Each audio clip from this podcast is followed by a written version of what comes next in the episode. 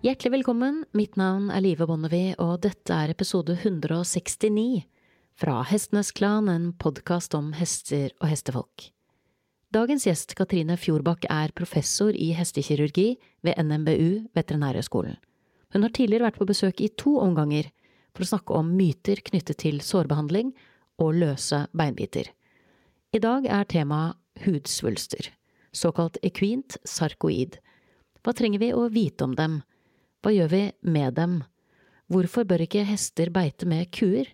Og ikke minst, hva er det viktig å følge med på?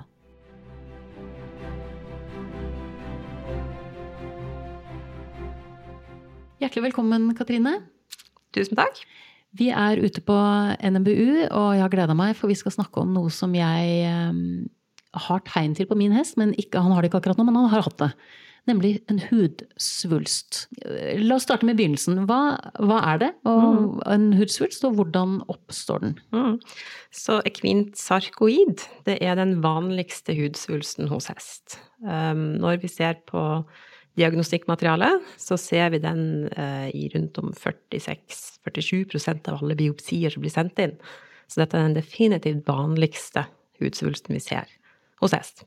Er den godartet eller ondartet, hvis jeg kan bruke det ordet på det? Ja, eh, dette er mm, litt komplisert, eh, fordi den er det vi kaller for lokalt invasiv og aggressiv, men den kan ikke metastasere til lymfeknuter og indre organ. Så, Så den kan bli stor der hvor den bor, riktig, men ikke riktig. forplante seg innover i systemet? Riktig. riktig. Så hvis man bare går etter metastasaktivitet, metastaseaktivitet, så er den jo klassifisert som en god art av svulst.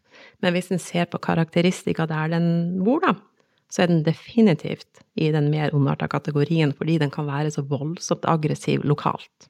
Hvis jeg snakker skimmelkreft, mm. er det noe helt annet? Ja. ja. Mm, det er noe annet. Det er den tredje vanligste hudsvulsten. Mm. Men sarkoidene de kan oppstå hos absolutt alle, alle, hester, uavhengig av farge. Mens melanomene, skimmelkreftene, de ser vi jo hovedsakelig 99 på, på de med skimmelfarge. Mm. Hvorfor får de disse små hudsvulstene, eller store, alt ettersom? Mm. Så akkurat disse sarkoidene de har en um, interessant etiologi eller interessant årsakssammenheng ved at de er kobla til storfeets vortevirus. Eh, alle dyrearter, alle pattedyrarter i hvert fall, har eh, sine egne vortevirus. Eh, vi kjenner jo godt humant papillomvirus i forbindelse med livmorhalskreft og den problemstillingen der. Eh, hesten har sitt papillomvirus. Mange har sikkert hatt unghester som har mange mange, mange små vorter rundt mulen, og sånt noe, men de går over av seg sjøl. Fordi hesten kan bygge en god immunrespons mot sitt eget vortevirus. Men hvis hesten får storfeets vortevirus, så funker ikke denne immunresponsen. Så hesten vil aldri klare å kvitte seg med den infeksjonen. Så da har du denne virusinfeksjonen latent da, i huden til hesten. Kan være der latent livet ut. Fra storfe? Fra storfe. Mm.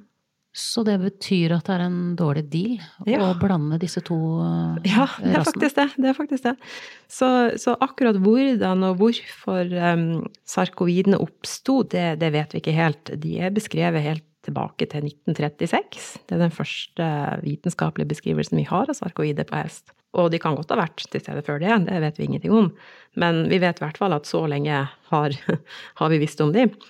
Eh, og der vet vi at eh, dette borteviruset til storfe, bovint papillomvirus, det har en eh, Kall det en utløsende Det fungerer som en utløsende faktor, da. Det er en sånn triggerfaktor. Så vet vi også at litt genetikk spiller inn, så vi har noen genetiske kombinasjoner hos hest som disponerer for å utvikle sarkoider, mens andre ser ut til å være litt mer beskytta for det. Og det henger nok igjen sammen med hvor flink er eh, din genetiske kombinasjon til å bekjempe dette borteviruset. Det, det er nok mye der. Er det vanligere enn før? Ja, ja vanskelig å svare på, men uh, vi har kanskje blitt litt mer oppmerksom på det. Uh, så noe har nok vært mørketall fra før, at en ikke helt har tenkt at dette trenger vi å bry oss med, eller ikke gjort noe med det. Men så kan det nok også det at vi, vi har en eh, subjektiv oppfatning av at det er blitt vanligere og vanligere. Det kan også ha en del mer med oss å si at vi importerer mer hest nå enn vi gjorde før. Når det gjelder de hesterasene som er mest disponert. Vi har noen eldre studier fra statene som viser at quarterhester og, og hester i den familien eller den slektskapet der, quarter og, og disse ja, litt apaluser og sånne, og de har mye av det. Eh, fullblod har mindre, og varmblodstraver har minst av de hestene man undersøkte i statene. Mens i Europa så vet vi det at um, det er mye i Irland, det er mye i England. Så irske hester og ponnier, de har en genkombinasjon som virker å kunne disponere. Uh, litt det samme i, i Storbritannia, mens at det er mindre av de genkombinasjonene på de tradisjonelle norske rasene, f.eks. Så det at vi importerer med hest fra Europa, kan nok gjøre at vi, vi, ser mer av det også. Men det er utløst av et virus? Mm. Ja, og igjen, det der er hva skal man si, litt kompleks eh, samspill der også, fordi en har prøvd å gjøre smitteforsøk. Men der er det sånn at med mindre du har en genetisk disponert hest, så vil ikke det å bare inokulere virus hos en, en hvilken som helst hest, vil ikke nødvendigvis gi et sarkoid. Mens hvis, hvis, hesten er genetisk disponert, så vil du få sarkoid. Så du kan si at det er to faktorer som har vært til stede. da. Det ene er denne genkombinasjonen som gjør at de har et dårligere immunforsvar for dette spesifikke borteviruset. Og når de da får borteviruset, da går det gærent. Da får du sarkoiden. Mens hvis du har en genkombinasjon som har en bra eh, immuneffekt mot borteviruset, så klarer hesten å bekjempe infeksjonen, og da får du heller ikke denne sarkoidtransformasjonen, som vi da kaller det. Du får ikke en tumorutvikling. Da.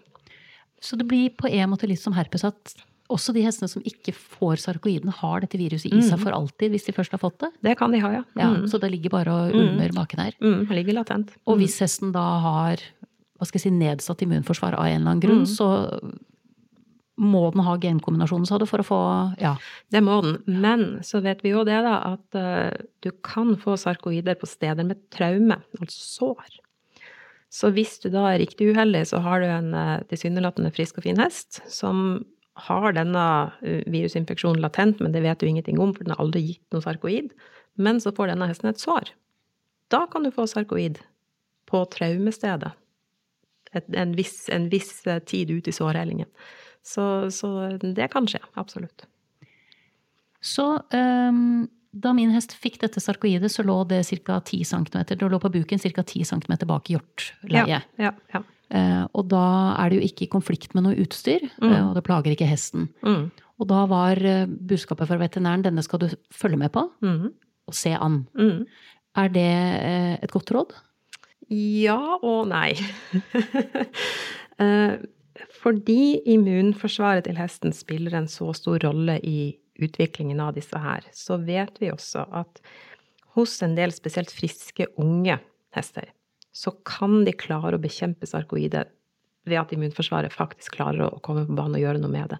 Så vi har det vi kaller for spontan regresjon, at det kan gå tilbake hos en viss prosentandel av unge, friske dyr.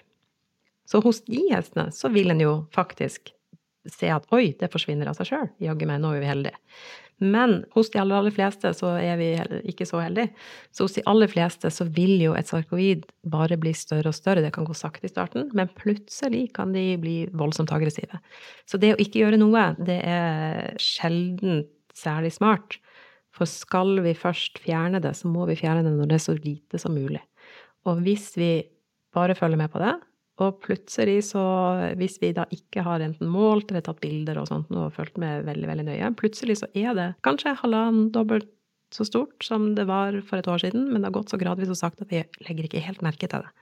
Så, så bare det å, å, følge med på det, det kan være Da kan du sitte i bar, altså, ved at det har gått for lang tid, rett og slett, og at det til syvende og sist blir vanskelig å gjøre noe med, for det blir mye større.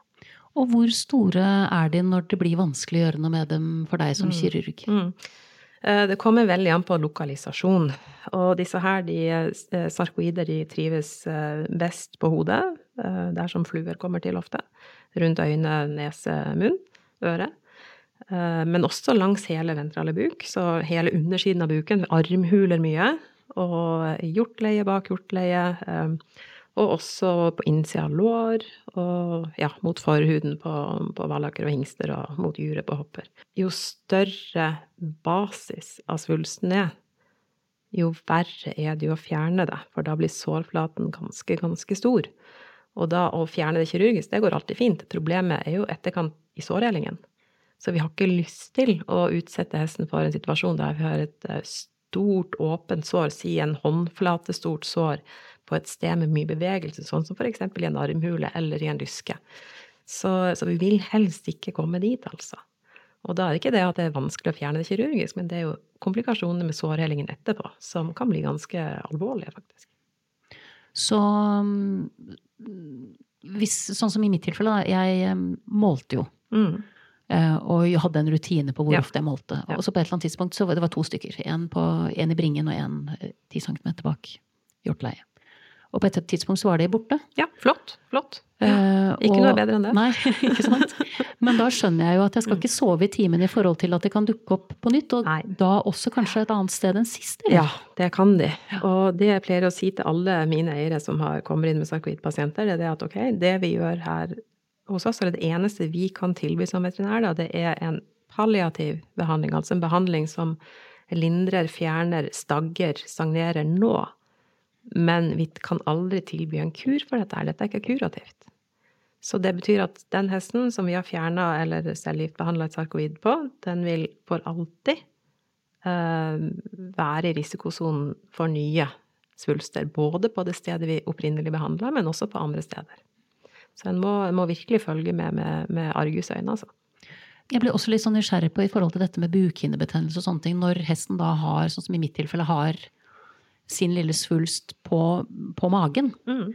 Um, hvis sårflaten der blir stor, er det noen mm. sånne typer risikoer som også må tas med i betraktningen? Er det mer sårbart? Er det stor forskjell på bringe og buk, da, som tilfellet er hos han, hvor han ja. har en på hvert sted? Eh, egentlig ikke. Du kan tenke deg at Bukveggen til en hest er ganske tjukk, og dette er jo en hudsvulst, og den går ikke dypere enn huden. Men det, det er mer eh, den store flaten på selve behandlingsområdet, da, som, som, blir problemet. Og der er det jo sånn at sårheling hos hest er jo, det er jo et kapittel for seg sjøl, det, det, er ikke alltid like greit. Så, så, vi er voldsomt restriktive med å fjerne store svulster, rett og slett fordi at eh, da vet vi at da påfører vi eh, denne pasienten en lang og trøblete sårhelingsfase etterpå. Men si noe om, um, si noe om altså basen på måte på svulsten. Altså mm. når, når, er det du blir veldig glad for at jeg kom tidlig, og når er det du tenker hun skulle vært der i fjor? Mm. Ikke sant? Går det an å mm. si noe om mm. hvor stor den er når den er stor? Mm. Ja, øh, oi, oi, oi. Eh, de største sett, de har jo vært øh, nesten håndballstore, altså. Ikke sant? Og da, da, da, da sier det seg sjøl at, at, da skulle man ha kommet, ikke i går, ikke forleden av heller, men kanskje for fem år siden. Så, så de største, de, de, har vært virkelig, virkelig store.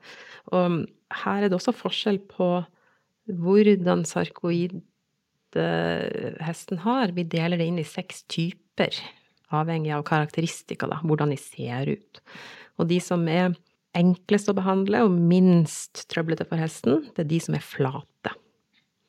Der du bare ser at ok, pelsen er kanskje vekk, og huden er litt ruglete, huden blir ofte litt sånn, eh, nesten litt sånn skorpete og sånn.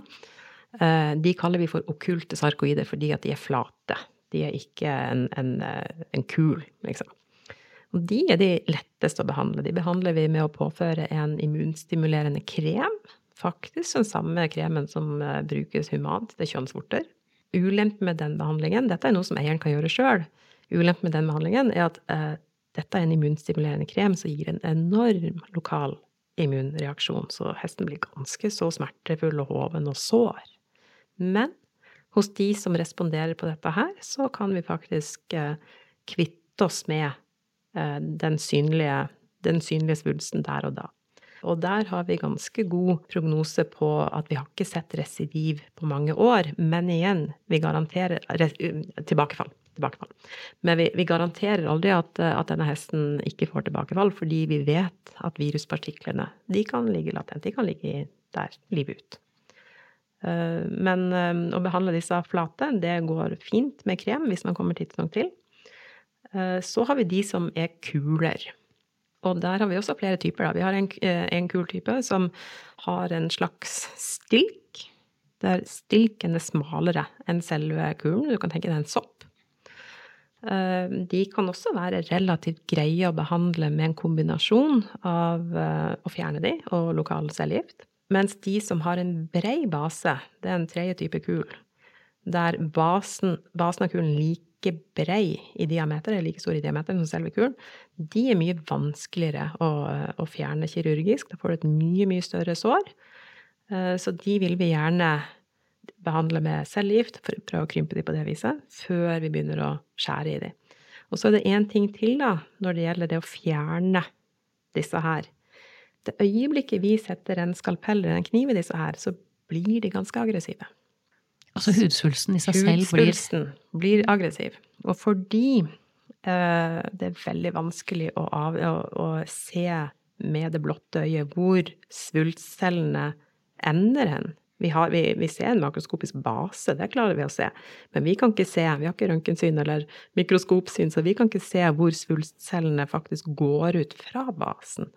Og vi kan heller ikke se hvor viruspartiklene befinner seg hen. Så fordi det er så vanskelig å vite hva er en sikker margin når du skal fjerne dem, så, så, har vi studier som forteller oss at vi må ta nesten to centimeter rundt hele. Og da kan du tenke deg at hvis du har en svulst med en base på ja, fem centimeter, og så skal du to centimeter ut for det rundt hele også, da får du et ganske svært sår. Så det betyr at uh, vi, uh, vi uh, sjelden bruker det som enebehandling. Så vi bruker veldig mye det vi kaller for intralesjonal cellegift, der vi sprøyter cellegift direkte inn i svulsten. Og da krymper den på det viset der. Og da får du mindre av denne, hva skal jeg si, aggressive, dette aggressive motsvaret fra svulstens side, ja. for da har den blitt ja. Ja. har fått seg en ordentlig kilevink? Ja, rett og slett.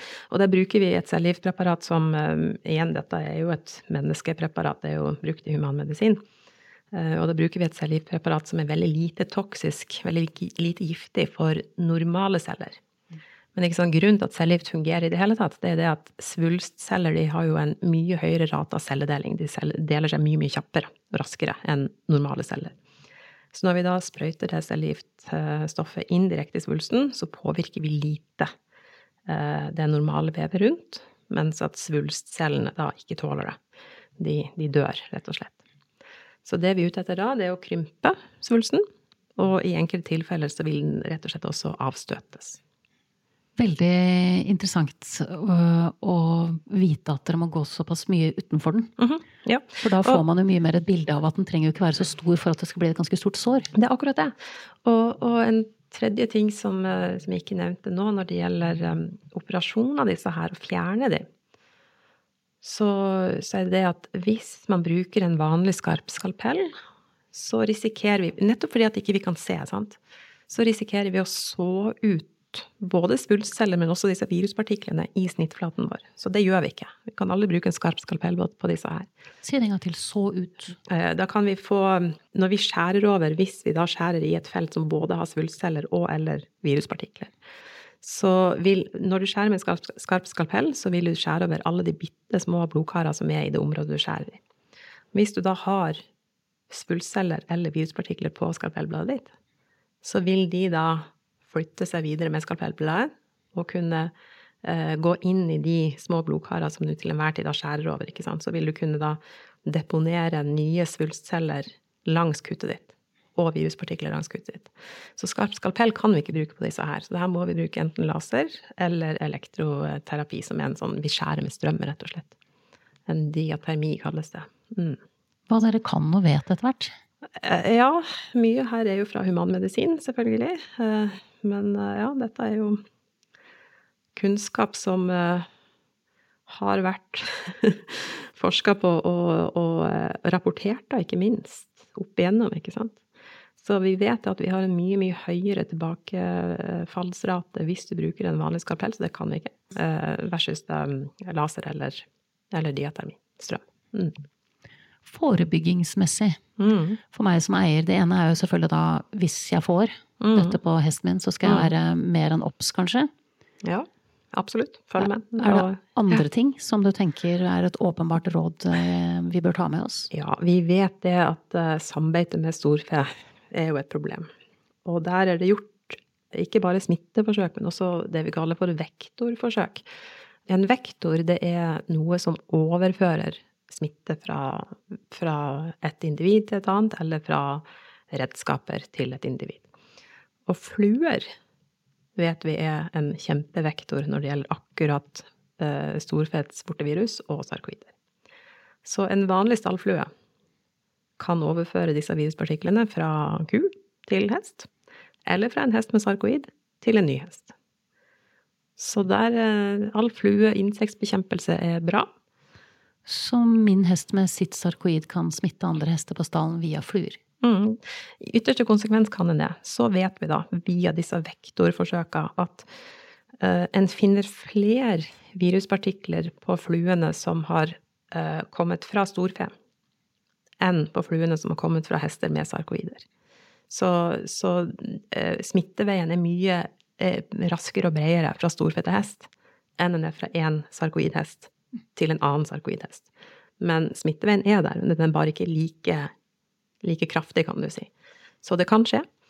Um, og i de tilfellene der pleier å råde hesteeiere til å holde sarkoidhester separat fra andre, det er jo hvis du har hester i flokken som har sår, åpne sår. For da skal det ikke så mange viruspartikler til før en flue kommer til i dette åpne såret og deponerer de der, og da har du også en annen faktor som vi snakka om i sted, da har du allerede traume til stede.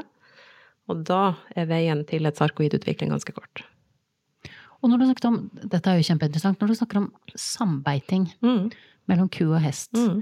snakker vi da om at de faktisk rent fysisk går sammen i sanntid?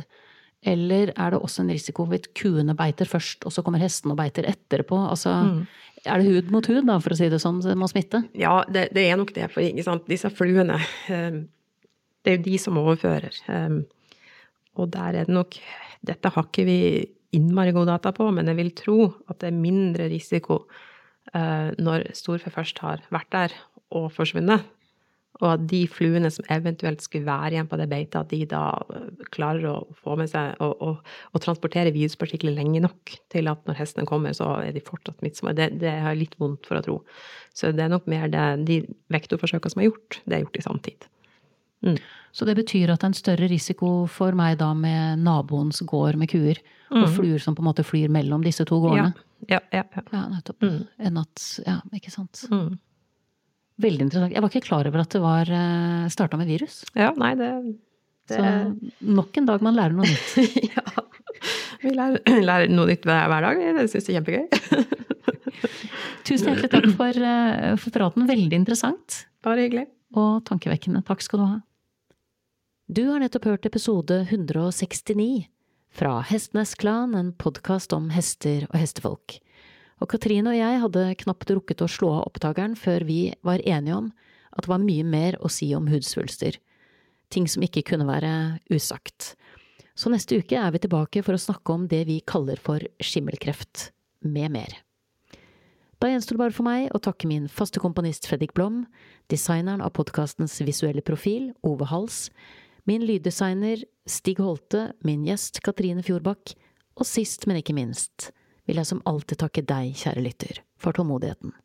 Måtte hesten for alltid være med deg.